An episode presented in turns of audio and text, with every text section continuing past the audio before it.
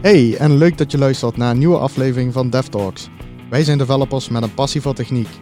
In deze podcast bespreken we de laatste trends op het gebied van software development.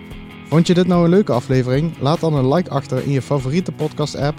En heb je feedback? Laat dan een reactie achter of stuur een mail naar podcast.cloudrepublic.nl.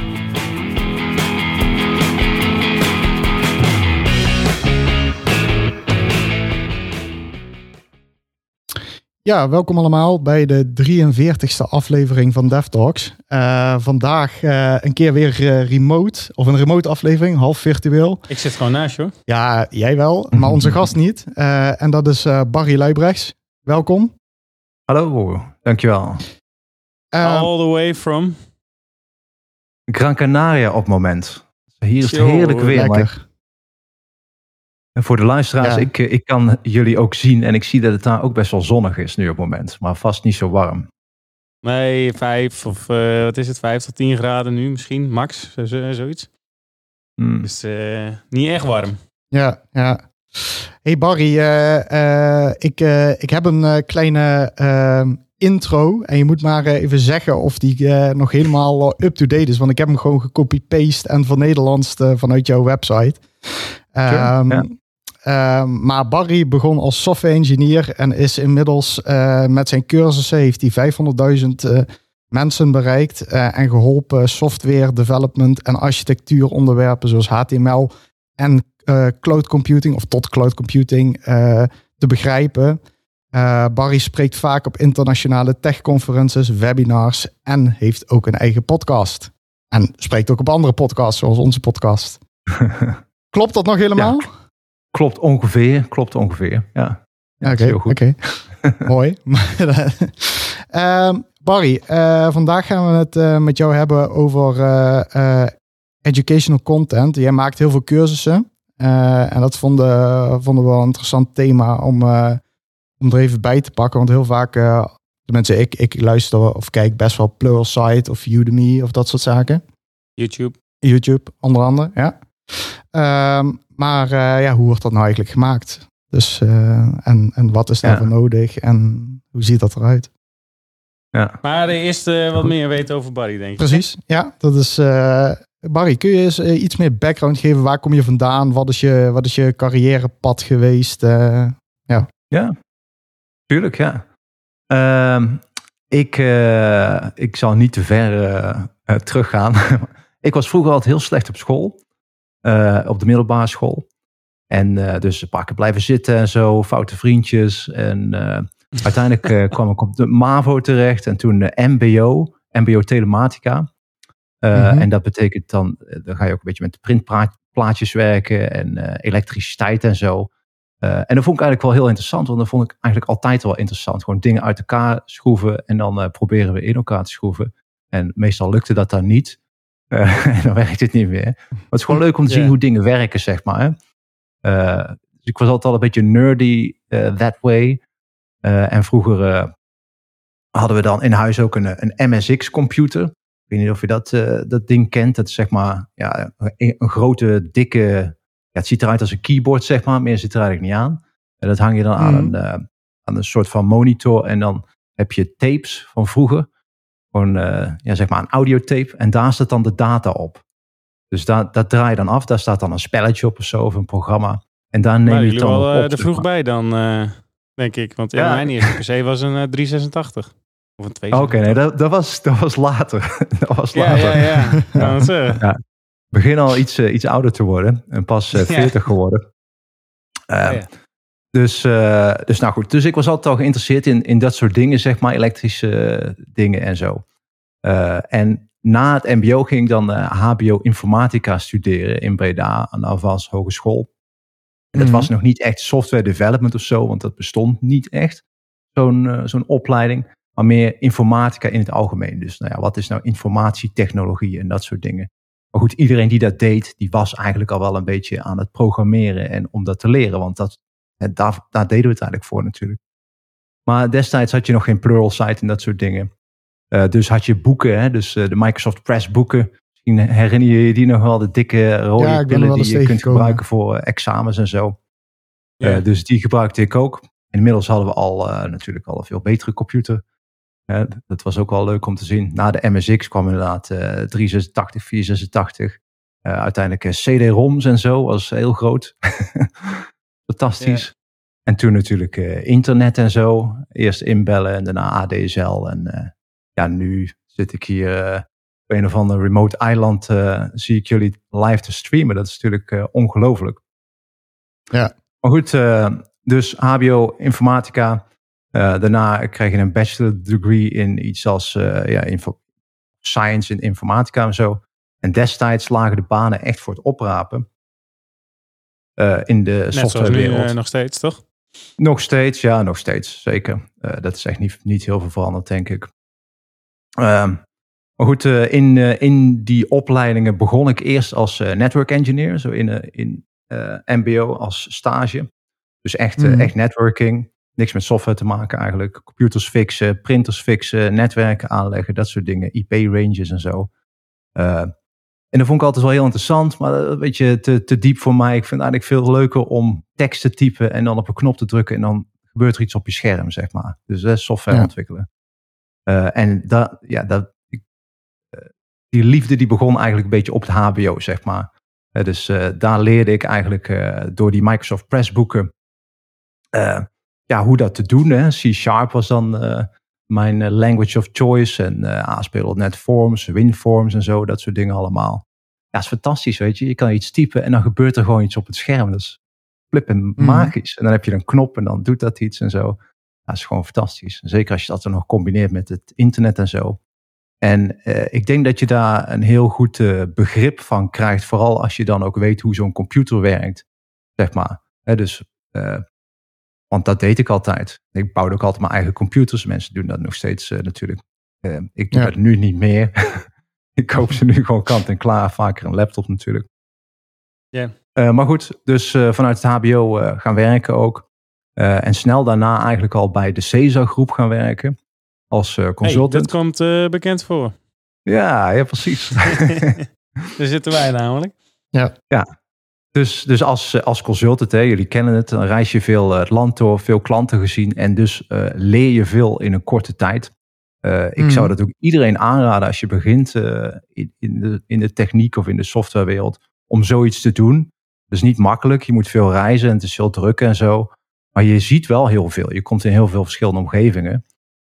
je wordt een beetje in diepe gegooid en je moet dus heel snel heel veel dingen leren en, en voor dingen openstaan. En nou ja, goed, dat hoort natuurlijk een beetje bij als software developer. Hè? Je, moet, uh, je moet openstaan voor nieuwe dingen. En je moet constant blijven leren, want een techniek die raast maar voort. En als je achterloopt, ja. dan, uh, dan neemt je waarde af. Dus dat had ik toen een hele tijd gedaan. Uh, heel veel klanten gezien. daar was ik een softwareontwikkelaar en ja, manager van alles op een gegeven moment ook. En toen dacht ik, nou weet je wat, volgens mij kan ik dat zelf ook wel. precies hetzelfde trucje, zeg maar. Dus toen werd ik freelancer en deed ik eigenlijk precies hetzelfde als uh, wat ik toen aan het doen was. En ik had toen het idee van, nou, ik heb meer vrijheid. Want nu doe ik het voor mezelf. Ja, uiteindelijk, je werkt nog steeds voor een klant natuurlijk. Uh, En je moet gewoon precies hetzelfde doen. Je houdt misschien iets meer over. Maar goed, aan de andere kant heb je ook meer druk natuurlijk. Want alles hangt dan van jezelf af. En als je niet werkt, dan heb je ook weer geen inkomen. Dus hè, er is een, een schaduw, uh, zit een schaduwkant aan. Goed, dat heb ik ook de hele tijd gedaan heel veel mooie rollen. Uiteindelijk uh, meer de architectuurhoek in uh, gedoken daar ook. Uh, en uiteindelijk ja, kreeg ik het heel erg druk daarmee. En ik, had ik ook een rol die ik echt een paar jaar deed of zo als freelancer. Mag eigenlijk niet van de Belastingdienst natuurlijk, maar goed. Yeah. dat was wel een hele mooie rol. ook als, als architect bij een groot internationaal bedrijf. En op een gegeven moment werd dat heel erg politiek. En heel veel gedoe en zo. En uh, ja, op een gegeven moment was het gewoon op. En, en, en had ik een uh, burn-out. En toen... Oh, dat is best heftig, toch? Uh, ja, dat is zeker heftig. Zeker, ja. ja. Ik, en, en dat bouwt op, hoor. Dat, is, dat heeft voor mij heel veel oorzaken ook. Ook omdat ik de verkeerde dingen aan het eten was. En dat is ook een stressor op je lichaam. Uh, mm. bijvoorbeeld later, later kwam ik erachter dat ik lactose intolerant was. En dat ik ook niet tegen gluten kan en zo. En dat scheelde heel veel om dat allemaal weg te halen. Uh, maar goed, om op het werkstukje uh, te blijven, zeg maar. Uh, toen besefte ik ook wel van nou, ik vind eigenlijk helemaal niet zo leuk meer wat ik nu aan het doen ben. ik, praten heel de dag in meetings en dingen aan het doen. En mensen zijn allemaal heel druk bezig om een beetje forms over data te maken voor mensen die het ook eigenlijk helemaal geen reet interesseert wat ze daarmee doen met die applicaties. Dus wat, wat, wat doe het allemaal voor? En toen was ik nog in Eindhoven. Ik woon dan in, richting Breda. Dus dat was ook twee uur die kant op, twee uur terug in de spits. Dat helpt natuurlijk ook niet. Nu dacht ik, nou, ik moet iets anders gaan doen. Wat ik uh, destijds al deed en wat ik eigenlijk al jaren deed, was in-person training geven. Over van alles nog wat uh, .NET gerelateerd. Dus classroom training. Uh, En inmiddels ook Azure, want dat bestond toen al wel een tijdje. ook freelance of bij, je, bij echt bij een partij aangesloten? Ook freelance, ja. Ook dat allemaal freelance. Ik ben er wel mee begonnen, ook bij de Cesar groep destijds. Om ook in-person training te geven. Dus dat, dat deed ik al een tijdje. Uh, maar toen dacht ik, ja, weet je, misschien kan dat ook wel online. Want ik mm. had toen ook al Pluralsight, een abonnementje voor Pluralsight. En daar waren ja. alle grote, grote namen, hè, die gaven er allemaal les. Scott Allen en zo, Julie Lerman, ja, you name it. Allemaal mensen waar ik heel erg tegenop keek. Maar die hadden ook mm. een linkje op hun website waar staat, hey, je kan het ook zelf proberen. Dus klik hier en dan kun je het ook zelf proberen dacht ik, nou, weet je, ik kan eens kijken wat dat, uh, wat dat is. Het zal toch wel niks worden, maar je weet maar nooit, weet je. Ja. En ja, als je dat dan doet, dan moet je een auditie doen. Dat betekent over iets een stukje online les maken, zeg maar, heel distinct. van 10 minuten of zo, iets wat simpel is, met een begin en een einde. En dan kijken ze erna of je ook een beetje Engels kan en zo, want anders kan niemand je verstaan. ja, en ja. ja. ik kwam er toen doorheen en sindsdien ben ik daar voor hun dan heel veel cursussen gaan maken. En uh, ja, dat levert dan ook geld op. En uiteindelijk leverde dat genoeg geld op, zodat ik dat freelance eventjes kon laten rusten. En daarmee die portfolio van uh, cursussen kon opbouwen. En inmiddels ben ik dan ook ja, meer en andere cursussen aan het maken op, uh, op straks ook mijn eigen platform, azureberry.com.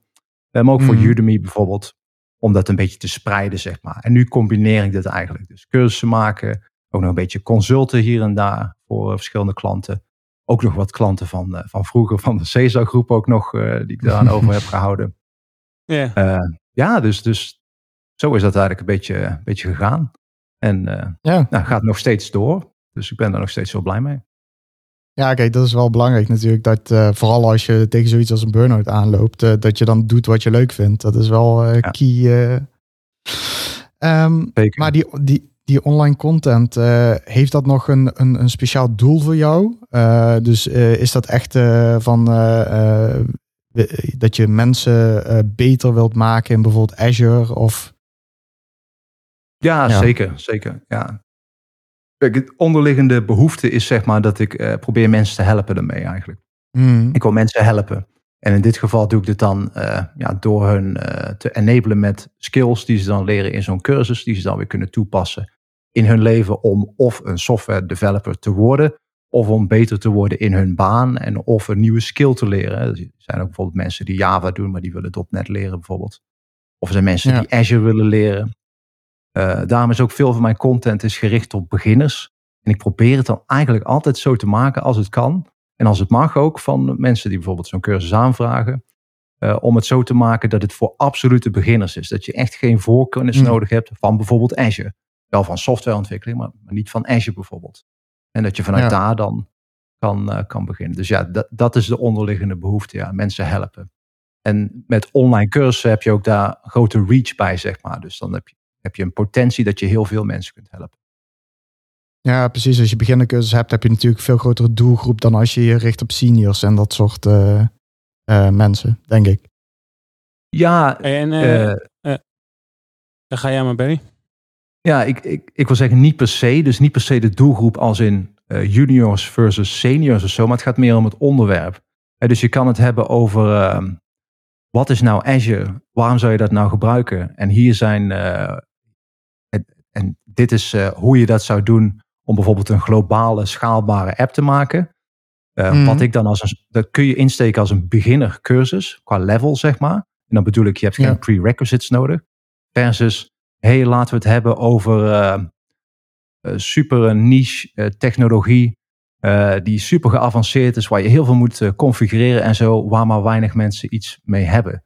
En dan maakt er niet Mhm. uit of het dan een junior of een senior is die dat dan neemt, zeg maar. Maar dan is die content die is meer advanced. En dus, wat mij Ja. betreft, heeft hij minder impact in de wereld. Ja, minder, breder, eh, minder breed publiek ook natuurlijk. Ja, ook. Ja, Het is natuurlijk ook financieel eh, wel in- eh, interessanter om voor een breed publiek eh, nou, voor niks gaat de zon op. Nou, daar ben ik wel nog geïnteresseerd in. Dus je, je komt uit software development, je bent gaan freelancen. Je doet ook solution architectuur erbij. Op een gegeven moment zeg je van ik kom, kan er wel van leven, soort van, eh, van mijn cursussen. Wa- Wat weerhoudt je dan om eh, nu gewoon eh, fulltime teacher, online teacher te worden, zeg maar? En je bedoelt dan om niet meer consultancy te doen, überhaupt? Ja, Ja, eh, dat kan. Alleen dan raak je een beetje de oefening kwijt, zeg maar. Want, want waar geef ik nou les over? Hè? Dus over Ja. ontwikkeling en, en over Azure en over nieuwe dingen in Azure en zo. Als ik die nooit zou gebruiken en zeker ook nooit in de praktijk zou gebruiken, hoe kan ik er dan goed les over geven? Want ik weet dan ook niet precies hoe het werkt. Ja, ik kan dan de Microsoft Docs vertalen in een cursus, maar dat geeft niet die inzichten waar mensen naar op zoek zijn. Het is echt die eh, praktijkervaring en die, eh, ja, dat is allemaal leuk, maar als je het echt gaat gebruiken, dan loop je tegen eh, X, Y, Z aan, zeg maar. Ja. ja, dus je hebt er echt die praktijkervaring en niet alleen vanuit de historie, maar ook om bij te blijven. Heb je gewoon eigenlijk, eh, kun je die twee combineren om echt zo'n soort van eh, unieke meerwaarde te leveren op zo'n platform. Ja, precies. Ja. En eh, ja, het is ook nog gewoon wel leuk. om als je soms gewoon lekker weer eventjes Visual Studio aan kan zetten. En, en je kan gewoon eventjes weer, net zoals ik al zeg, je typt wat tekst en dan gebeurt er weer Ja. iets bijzonders. Zeker tegenwoordig met eh, AI en al die spannende, fantastische dingen die er allemaal aan het gebeuren zijn. Ja, dat vind ik gewoon hartstikke leuk. En daar wil ik ook gewoon mee spelen. En, en als het even kan, in het echt gebruiken natuurlijk. Dus het blijft ook gewoon leuk. Ja, zeker. Ehm, die, eh, je zegt dat je, dat je inderdaad eh, ook nog consultancy erbij doet. Ehm, hoeveel tijd ben je daarmee bezig? Want mij- als ik denk aan, ik ga, ik ga nu een cursus maken, dan, dan zou ik zeggen van, poh, daar ben ik wel weken mee bezig. Eh dit, dit lijkt me echt best wel veel werk. Ja, dat klopt. Dat is het ook. dat, is dat is heel veel werk. Eh, ik ben over de jaren wel eh, beter in geworden, meer efficiënt, zeg maar. Want je, je Ja. hebt echt een proces waarmee je dat dan doet. Dus Mhm. ja, typisch hoe ik dat dan doe. Ik ben nu bijvoorbeeld met de tweede cursus bezig, eh, die ik dit jaar heb gemaakt. Of dit jaar aan het maken ben. Die eerste die komt binnenkort uit. Dat is een gratis cursus. Die stop ik op YouTube, Udemy en op mijn eigen website. Die heet Microsoft Azure voor Absolute Beginners. Dat is het, Mhm. eh, wat is Azure, waarom zou je dat doen, wat is cloud computing Eh, en eh, hoe nu verder, zeg maar. Ja. Zo'n cursus bijvoorbeeld, dat is anderhalf uur. Ja, dat kost wel drie weken of zo. Fulltime werk. Dus Zo. het, er zit een creatief component aan. Dus het is eerst plannen van nou, wat wil ik nou eigenlijk gaan vertellen? Wat is het verhaal? Mhm. Hoe ziet dat er nou uit? Hoe zien die modules eruit? En eh, welke clips zitten erin? En wat laat ik dan precies zien? En dan ga ik het doen. Dus de, de demo's neem ik op. Dus dan eerst iets bouwen bijvoorbeeld. Wat, wat demobaar is. Die neem ik dan op. Eh, dat doe ik dan met eh, Camtasia in dit geval. Vreselijk Oh programma, maar werkt hier heel goed voor. ja, weet je, haat-liefde verhouding. Dus ik neem de demo's op. Mhm. Daarna maak ik de slides. Die neem ik dan ook op. En dan, wat ik dan altijd doe, is ik maak dan altijd een script van wat ik dan wil gaan vertellen. Eh, er zijn mensen die eh, kunnen dat zo on the fly doen. Dus als ze een demo doen, dan zijn ze ook iets aan het vertellen. Eh, Mhm. Dat kan. Maar ik heb ik ook wel eens gedaan. Maar ik, voor mij, als ik een script maak, dan is het veel makkelijker om ehm, alle belangrijke informatie erin mee te nemen.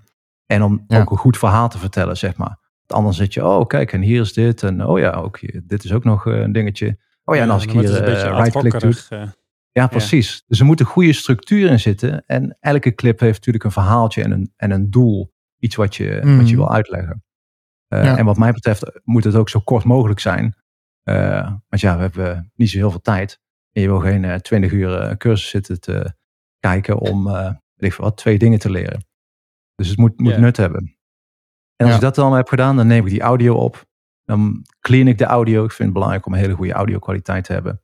En dan eh, Mhm. plak ik het allemaal aan elkaar. En dat kost ook nog eh, best wel wat tijd. En dat is de fase waarin ik nu zit voor die tweede cursus. Het allemaal aan elkaar te plakken. En dat is, Ja. ja, ja kost gewoon tijd. Het is gewoon annoying. maar goed, moet Hey, en hoe bepaal je dan... eh, kijk, je gaat nu een free eh, cursus maken. Ik bedoel, niks komt de zon op. Maar waarom zou je dat doen? Ben je, is dat meer om gewoon ook naam eh, te maken dan voor jezelf? En, eh, en dan te hopen dat ze je betaalde cursus daarna afnemen? Of zie je er helemaal niet zo commercieel in, zoals ik het nu, eh, eh, nu zeg? Of eh, hoe werkt dat? Ja, dus, eh, dus dit, dit wordt dan de eerste cursus die ik uitbreng ook op azureberry.com. Eh, Mhm. Oh ja. Dus de rest staat op eh, Udemy en op, eh op Pluralsight. Dus ik wil op azureberry.com inderdaad meer presence krijgen en daar ook meer cursussen maken die ik dan zelf in de hand heb, zeg maar. Dus die dan niet bij een Mhm. third party staan zoals, eh eh, zoals Pluralsight of, of Udemy. Alles Udemy maakt eigenlijk niet uit wat je erop zet, dat blijft altijd van jezelf. Maar inderdaad, dus die eh, eerste gratis cursus, dat is dan om mensen te laten zien van kijk, dit is hoe een cursus van mij eruit ziet. Dit is wat je eraan hebt, wat de waarde is, zeg maar. En geef je ook een startpunt en meteen een soort eh, ja, startpunt in de funnel als het ware. Van, nou, als je nou meer wil leren natuurlijk, dan kun je de volgende cursussen nemen. En die zijn dan in de, Ja. inderdaad betaald. Dus ja, daar zit zeker een commerciële gedachte achter, absoluut. Ja. En Mhm. hopelijk eh, ook dat mensen, want dit komt dan ook op YouTube. eh, en dan heb ik het meer over jonge mensen die dan net starten of zo. Dat ze in ieder geval eens kijken van nou, wat is nou dat Azure? En ja, waarom zou ik daar ook niet iets mee gaan doen of zo? Want ik denk dat dat gewoon heel nuttig precies. is überhaupt. Om dat te gaan Ja, doen op voor mensen. YouTube heb je natuurlijk het eh, hele algoritme nog wat erachter zit. Wat jou eh bij wijze van spreken dingen voorschotelt die je nog nooit gezien hebt. Dus eh, Ja, ja, precies. je zei net van bij Udemy is de content van mijzelf. Hoe, Ja. Zit daar ook nog verschil tussen dan bij Pluralsight? Zeker, ja. Absoluut. Kijk, voor Pluralsight werk je als een soort contractor voor hun. Eh, Zij hebben een behoefte, die komt vanuit hun klanten. Klanten zeggen, hey, eh, hebben jullie ook iets voor eh, React eh, 19 of zo? Weet ik veel. Ik heb geen idee welke versie dat tegenwoordig is. Zoiets, Ja. hè? Want ja, wij gaan er iets mee doen en we willen er iets over leren. Oké, zegt Mhm. Pluralsight dan. Die zet dan de vraag uit bij alle contract authors. Kunnen jullie dat gaan maken? En dan gaan we dat maken. En dus dan is dat zo. Maar Pluralsight die is dan de eigenaar van die content. Dus van die cursus. Dus ik kan niet zomaar die cursus pakken en hem op YouTube zetten of zo. Of op Udemy. Dat mag niet. Oh, ja. Ja. Maar word je dan ook betaald per uur in plaats van betaald per, per view? Nee, dus bij Pluralsight krijg je een soort author fees. Het zijn geen royalties officieel. Tenminste, zo noemen ze ze niet meer. maar het werkt ongeveer hetzelfde. Hè? Dus je krijgt betaald naar gelang mensen naar jou kijken. Dus hoe beter jouw cursus is en hoe meer succesvol jouw cursus is, hoe meer dat je krijgt. Zo simpel is het eigenlijk. Maar het is, ja, het is, zij moderaten die content dus veel meer dan bij Udemy eigenlijk. Ja, precies. Ja, Udemy is, eh, is echt een free-for-all. hè. Dat zie je ook eh, als je daar een of ander onderwerp zoekt. Dan heb je twintig cursussen die exact hetzelfde zijn. Eh, Ja. ja. Ja. van andere mensen. Dus nou ja, hopelijk Ja, komt daar dan de kwaliteit wel bovendrijven natuurlijk. Want het wordt wel een beetje gemodereerd door de mensen die dan kijken. En dan eh, sterretjes geven en, eh, en zo. Ja. Mhm. Dus hopelijk is dat het. Ja, Maar ja, ik merk, dat merk ik wel. Als je, ik ben bijvoorbeeld voor certificaten aan het, eh, aan het leren vaak. En dan merk ik wel dat bij Pluralsight, als het daarop staat, dan kan ik gewoon, ja, ze hebben tegenwoordig paths, learning paths. En eh, dan kan ik gewoon een path volgen. En dan weet ik 100% zeker dat die content eh, eh, is wat ik nodig had. Eh, bij Udemy eh, heb ik wel eens dat ik cursussen, want daar betaal je natuurlijk per cursus. Ik, daar koop ik wel eens dingen waar ik van denk, eh, ja, nee, eh, next. Ja, Want, ja, precies. ja, dat, Ja, dat daar staat ook wel best wel wat rommel op. eh. Maar dat is ook heel Nee. lastig. Hè? Dus, je geeft aan bij, bij Udemy, daar betaal je per cursus bijvoorbeeld. En het wordt Mhm. heel lastig, want op YouTube, daar staat al zoveel gratis stuff. Als je bijvoorbeeld kijkt, Ja, eh, ja. John Saville bijvoorbeeld, die zet superveel op YouTube. Die heeft daar hele Azure masterclasses en ook eh, certification paths. En die update hij ook eh, constant. constant. Mhm. En dat is allemaal gratis. Dus waarom zou je nog betalen? Dat wordt steeds moeilijker om eh, Ja. ja, content te verkopen eigenlijk. Eh, En hoe ga ja, jij daarmee zelf- concurreren dan? Ja, dus het gaat nog steeds goed. Eh, maar ik voorzie wel dat dat gaat afnemen. Eh, maar er blijft altijd een beetje een markt, denk ik, voor, eh, in dit geval dan voor wat oudere software professionals. Die zijn nog steeds op zoek naar ja, meer dit soort stijl cursussen. Die zo anderhalf, twee uur duren of zo. Meer gestructureerd zijn. En die zijn daar ook wel bereid voor om daarvoor te betalen als de kwaliteit hoog is. Dus hoger is dan ja. Mhm. ja, het spul wat je allemaal op YouTube zit. Want daar, ook daar natuurlijk, is een beetje net als op Udemy, zelfs lager nog. Ja, daar staat van alles op natuurlijk. Ja. Ja. Ehm, ja, dit is, ik vind, uh, want jij zegt ook van, uh, ik uh, op het moment verdien het genoeg en ik gooi het op alle platforms. hoe zit daar, want je zei bij, bij Pluralsight is het inderdaad een alpha fee. Um, zit daar nog, stel, stel ik zou een cursus hebben en ik wil die ergens plaatsen. Waar zou je dan zeggen, dan zou ik eerst die richting opgaan, want dat is gewoon verdient technisch de beste keuze. Zet op Udemy, absoluut. Ja? Udemy heeft een heel grote built-in audience. Er zijn echt superveel mm. mensen die Udemy gebruiken. Als je hele hoge, goede kwaliteit hebt, dan komt daar wel wat uit. Dan komt er wel geld ja. uit, zeg maar. Okay. En er zijn heel veel mensen die echt heel succesvol zijn op, uh, op Udemy. Uh, en vooral ook als je daar dan meerdere cursussen hebt, want iemand kijkt dan een cursus en denkt, oh, nou, dit bevalt mij wel. Dit is de stijl die ik fijn vind. Ik vond de kwaliteit goed. Nou, dan ga je op zoek naar de volgende van diezelfde auteur. Dus ja, kwaliteit inderdaad weer komt, komt bovendrijven. Dat, dat moet de definiërende factor ja. zijn, de onderscheidende factor. In dit geval. Ja. En wat onderscheid je nou echt van een uh, YouTuber dan? Even, ja, het klinkt misschien uh, een beetje flauw, maar uh, ja, je, ma je, maakt alleen educational content. YouTube is misschien iets meer clickbait-achtig. maar je hebt ook de Nick Chapses en onze eigen Nederlandse Gerard Versluis natuurlijk, die uh, ja, raket ja, ja. gaat op YouTube. Met Maui. Waardoor dat, dat zou ook een, een weg kunnen zijn. Om dat op YouTube te doen? Ja, nee, maar daar ik geld, bedoel, geld het is iets anders. Hè? Ja, je, YouTube heb ik het idee dat het soms iets meer entertainment is. En Udemy en Pluralsight dat het echt gewoon educational is. Of, of ja, zeker. Ja, nee, dat klopt helemaal. Uh, en, en het moet ook een beetje, het moet ook entertaining zijn, want anders dan, uh, ja, mensen zijn heel snel afgeleid, zeker jongere mensen. Ja, die zitten, mm. die zitten dit te kijken en dan zitten ze daarnaast nog met de telefoon uh, TikTok te kijken, bij wijze van spreken. ja. Dus heel moeilijk om die aandacht vast te houden, dus dan moet het heel entertaining zijn. Uh, ja, daar ben ik minder goed in, sowieso. Het is ook heel lastig om te maken. Uh, dan moet je veel ja. zoomen en dan moet er veel gebeuren op het scherm, zeg maar. Uh, mm. Ja, dat is heel lastig om te doen. Moet je veel meer tijd insteken om dat goed te maken. Ja, dat moet ook korter zijn. Dus er moeten echt ja, learning bites zijn van een paar minuten of zo. Hooguit vijf minuten misschien. Dat is al lang bijna om, om ja. zoiets Ja. te maken. Ja, dat is niet mijn stijl. In ieder geval op het moment niet. Ik zie dat ook zo snel niet gebeuren. Maar wat ik ook al zeg, het, het is een andere markt. Uh, waarbij ik denk dat de mensen die, die YouTube dingen fijn vinden, dat zijn ook vaker mensen die minder geneigd zijn om voor content te betalen, denk ik. Die betalen liever ja, door een ad te zien. En dan, weet je, dan is prima. Dat is ook goed. Uh, en zeker heel erg handig, denk ik. Ja, het ligt een beetje aan wat je aan het doen bent. Dus als je nou bezig bent met iets en je gaat even iets opzoeken, want je wil even weten hoe iets werkt, iets kleins, nou, dan ga je even googlen en dan kom je misschien op een YouTube-filmpje van Gerard Versluis. Of je leest even een artikeltje hier en daar. En voilà, je weet precies hoe je dat iets moet doen. Je implementeert het en dan ga je verder met je leven. Uh, maar als je ja. op zoek bent naar een compleet nieuw content. Of naar, hey, ik wil eigenlijk wel weten hoe ASP.NET uh, Core 6 werkt of zo. Uh, ja, dan kun je daar eens een cursus over bekijken van een paar uur. En dan weet je alle ins en outs. Dus dat is een hele andere uh, use case eigenlijk. Andere modaliteit. Ja. ja, andere behoeften. Ja, precies. Mm. Ja. ja. Hey, en in hoeverre, kijk, jij bent ook uh, MVP, toch? Of heb ik het uh, verkeerd begrepen? Ja, dat klopt. MVP. Ja. In hoeverre kun je dit soort dingen ook aandragen als soort van uh, MVP-werk? En omdat het natuurlijk ook gewoon betaalde dienst is. Ja, ik, bedoel, ik kan mijn consultancy-werk niet aandragen, volgens mij. Nee, nee, technisch gezien inderdaad is dat zo. Hè. Dus alles wat, wat betaald is, dat is gewoon werk wat je doet voor iets of voor jezelf of voor iemand of zo. En dat is geen community werk natuurlijk.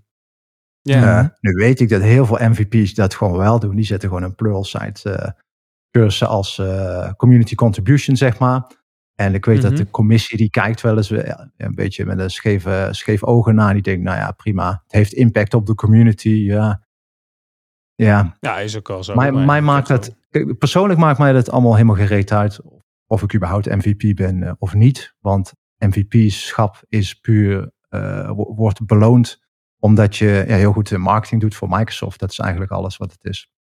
Eh, Mhm. Het enige wat er handig aan is, als je een Microsoft Azure MVP is, dat je eh, Azure credits krijgt. Dus dat is handig eh, als ik bijvoorbeeld een cursus maak of zo en ik eh, doe iets eh, wat duur is, als eh, weet ik veel wat, Synapse Analytics of zo, hoef ik dat niet Ja. zelf te betalen. Ja, dus dat, is eigenlijk wel, het enige eh, wat, wat handig is. Ehm, maar ja, het maakt eigenlijk niet zoveel uit. Plus die, de lijn van wat is nou betaald en wat is nou niet betaald, ja, dat is ook een beetje lastig. Want je hebt ook eh, echte eh, populaire sprekers, die krijgen ook betaald om bijvoorbeeld naar een conferentie te gaan. En ja, wat is dan betaald? Als je dan betaald krijgt voor de talk zelf, of als je dan betaald krijgt voor het hotel en voor de reis. Dat is eigenlijk ook een soort compensatie natuurlijk. Ja, mag je dat er wel of niet op geven? Ja, wordt een beetje Ja, grijs het gebied. gaat niet om mag, maar het gaat er meer om. Kijk, eh, het draagt bij aan je, Ja. MVP-titel. En ehm, eh, ik bedoel, ik kan me ook voorstellen dat er, als, je, als je denkt van, nou, ik ga, ik ga dingen gewoon aan elkaar koppelen. Ik maak een eh, Udemy-cursus. Ehm, daar ga ik ook talks over geven. En ik ga er ook, eh weet ik veel, eh, fysieke trainingen op geven. Dat je eh, Ja. een beetje naar dit jaar kijkt van, ah, wat zou nou iets in Azure kunnen zijn wat echt... eh, echt losgaat eh komend jaar. En daar ga ik eens even eh, op al mijn kanalen content over maken. Ja, zeker. Nou ja, voor mij is het dan eigenlijk meer een commercieel iets eh, waar je denk ik ook een beetje naartoe beweegt. Ja, dus eh, ja, zoiets moet je dan ook marketen. Als je dan een cursus hebt gemaakt. Als ik dadelijk een cursus maak voor azureberry.com. Ja, niemand weet dat azureberry.com bestaat. Ja, een paar, paar duizend mensen op, eh, op Twitter of zo. Ja, dat Mm. is ook bijna niks, zeg maar. Dus dan moet je daar ook iets over vertellen inderdaad. En dat kan inderdaad in de vorm van eh, webinars of een talk of zo. Die dan over een onderwerp gaat. Een stukje uit die cursus, zeg maar. En eh, hey, wil je meer zien? Ga dan daar naartoe en dan kun je, kun je die cursus bekijken. En dat, dat blijft altijd heel moeilijk, dat markten. En daar ben ik ook ben ik niet super goed in.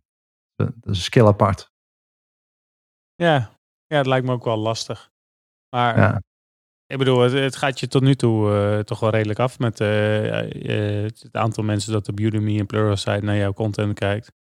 Waarom Ja, niet, zeker. op YouTube of op iets anders, Azure Berry, naar je gaan kijken. Oh, dat gaan ze zeker ook wel doen hoor. Maar niet in de getallen dat ik, eh, die ik voorheen heb gehad, zeg maar. Ja, En dat is nee, Ja, het platform Kijk, is wel belangrijk. Precies, het platform dat komt dan vaak met een, met een built-in audience. Hè. Net zoals eh, Udemy, Pluralsight ook. Er zitten miljoenen mensen op. Eh, grote bedrijven Mhm. die daar gebruik van maken en zo. Ja, die krijg je cadeau als het ware. En als dan jouw content er een beetje uitspringt. Omdat het goed is. En omdat het een onderwerp is wat mensen interesseert. Ja, dan, dan krijg je veel views natuurlijk. Dus dat is zo gunstig. Dus nou ja, Ja. we, we zien wel hoe het eh, gaat lopen. Ik denk dat er heel veel gaat veranderen in de komende vijf jaar. Op dit eh, landschap. Dat, eh, ja, dat zeker. eh, Ja, want dat is het. Dan ga ik even daar een bruggetje mee maken. Want er is natuurlijk van alles op ons afgekomen. Ook met chat, GPT en, en zo. Ik Ja. weet niet of je al eh, de nieuwe Bing hebt gezien. ja, heb ik zeker in- gezien. Ja, het is eh, jeetje mina. Ja, dus zometeen is het echt gewoon letterlijk, eh, je, de code krijg je gratis. Stack Overflow hebben we eh, zometeen bij wijze van eh, niet meer nodig. Mensen gaan misschien Ja. wel op een andere manier eh, leren. Iets interactiever. eh, ja, weet ik veel. Met een personal assistant of zo. eh, die, die jou gewoon op weg helpt. Eh, die, ik bedoel, waarschijnlijk als je aan eh, ChatGPT vraagt. eh, wat zijn nou de benefits van Azure? Krijg je ook een heel goed samenhangend verhaal. Tuurlijk, Ja. absoluut. Hm. Ja, zeker. Ja, dus, dus dat soort dingen. En dit is gewoon nog maar... Ik vind, ik vind het zelf vind ik het super exciting.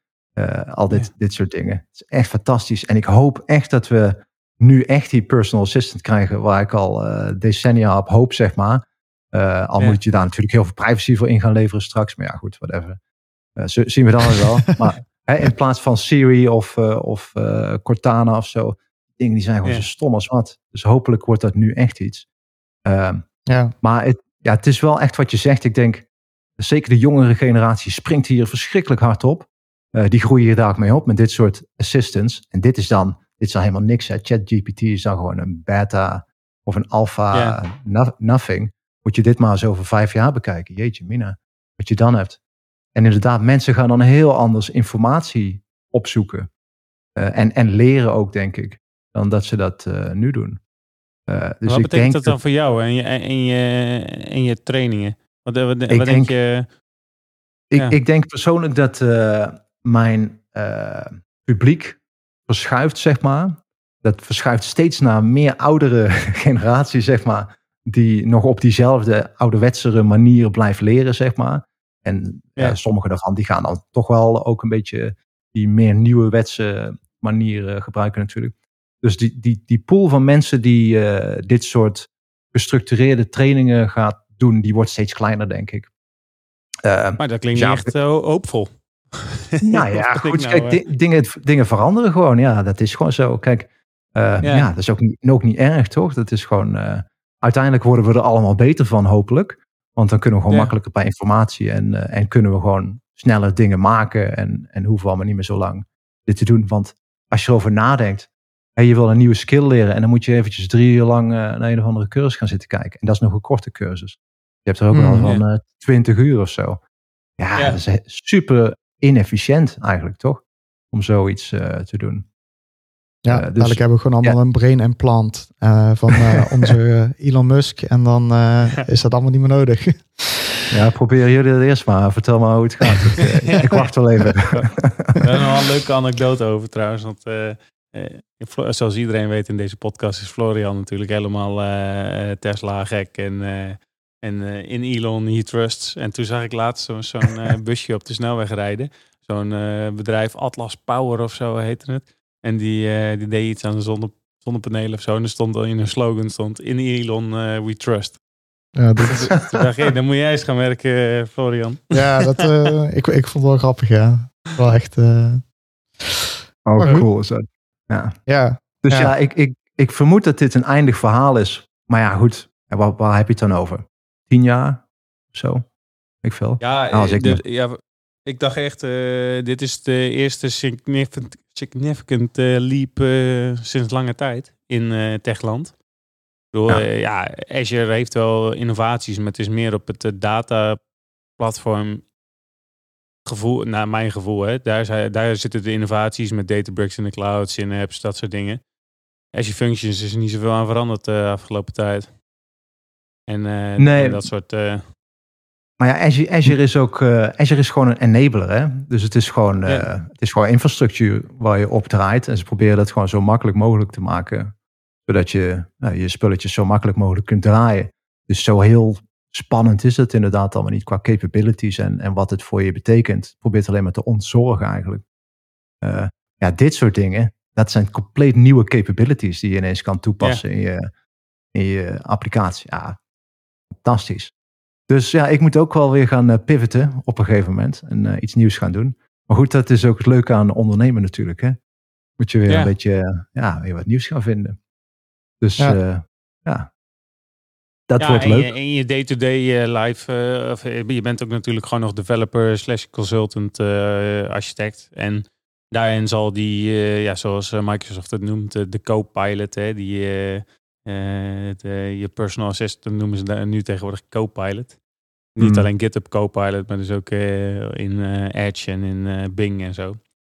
En ja. die gaat ons gewoon helpen. Dus hey, ik heb dit stukje code, schrijf mijn unit test. Of hey, host dit eens even in een Azure uh, container app of uh, weet ik veel wat. Ben wel benieuwd. Ja, zeker. Ja, ja zeker. Ja, maar dan, dan dus, krijg je dus een cursus. Hoe gebruik je Copilot? Ja, en dan zien we Barry weer op het scherm. Ja, precies. Dus, uh, dus cirkel weer rond. Ja. Maar ja, kun je waarschijnlijk ook gewoon aan, aan Copilot uh, vragen. Kijk, die dingen die worden ook steeds meer intuïtief natuurlijk. je kan ze steeds meer met uh, spraak bedienen of zo. Of je hoeft echt geen expert in het schrijven van prompts meer te zijn. Ja, je moeder kan het gebruiken, zeg maar. Dus ja, dat uh, ja. ja. wordt steeds lastiger voor ons ook om uh, toegevoegde waarde toe te blijven voegen. Al denk ik dat uh, voor ons mensen nog heel lang nog plaats blijft. Zeker nog tot ons pensioen. Ja, maar anders ga ik gewoon op een bedje in Gran Canaria liggen hoor. Naast jou. ja, ja, dat kan zeker altijd. Ja. ja. Hey Barry, uh, wat, zit er, uh, wat zit er voor jou aan te komen? Azure Barry uh, gaat live. Wanneer kunnen we daar. ja, dus ik heb een website azurebarry.com. Daar kun je al naartoe. Daar staat gewoon een blog op en zo. en er staan nu twee cursussen coming soon op. En dat is dus, zoals ik al zei, de eerste cursus wordt Microsoft Azure for Absolute Beginners. Het wordt een gratis cursus. Die komt dan binnenkort uit. Wacht over een paar weekjes. het is nu 10 februari nou ja, eind februari of zo, dan staat dat wel live. En dan staat ook de tweede cursus live. En dat is Getting Started with Microsoft Azure. En het verschil daarin is, is dan begin je echt ja, te werken met Azure. Dus daar leer je over wat zijn nou subscriptions, welke type subscriptions zijn er nu, uh, hoe kun je nou een goed contract maken met Microsoft, hoe werkt het dan met management groups, met Azure Active Directory, resource groups, tags, mm. cost management, Welke tools zijn er allemaal? Uh, welke API's zijn er allemaal om tegenaan te praten en zo. Zodat je die goede basis hebt om dadelijk echt te kunnen gaan beginnen. Dus die twee die komen er uh, snel aan. En daarna komen er ja, cursussen rondom scenario's, zeg maar. Dus bijvoorbeeld, hoe maak je nu een webapplicatie die je wereldwijd deployed en wereldwijd geografisch performant en secure en available is. Dus dat soort dingen. Dus dan heb je het over dingen als deployed met op een webapp werkt met Cosmos DB, die je dan geografisch repliceert. Met multiple writable nodes. En dan die hele boom en zo allemaal. Automatiseren met Azure DevOps. En ook praktische zaken. Van nou, als je dan naar productie gaat. Hoe zorg je dan bijvoorbeeld voor dat je, je database niet beschikbaar is voor iedereen in het internet. Maar hoe, hè, dan stop je in een private endpoint. In, in een mm. virtual netwerk. Hoe werkt dat nou? En hoe test je dat nou? Want kun je eigenlijk niet bij dan vanaf je lokale computer. Dus dat zijn allemaal van die best practices die heel belangrijk zijn voor productie bijvoorbeeld. En die komen dan daar later uh, bij aan bod. Dus dat, uh, dat komt er allemaal aan uh, op, op technisch vlak. En daarnaast, uh, ik nog even shameless plug doen. Ik heb ook nog improvingberry.com. Dat is meer een passieprojectje over gezondheid en wellness. En elke week praat ik daar met een of andere gezondheidsexpert, een dokter of een ervaringsdeskundige. En dat is een podcast, Improving Barry. Daar kun je naartoe. Je kan ook naar die website, improvingbarry.com. Daar zie je ook de transcripts en zo. En later komen er ook nog cursussen. En dat is dan een hele andere doelgroep natuurlijk. Ja. Oh, dat is ook wel, uh, wel, wel leuk. En dat, dat gaat echt over, over voeding en dat soort dingen, of ook over sport?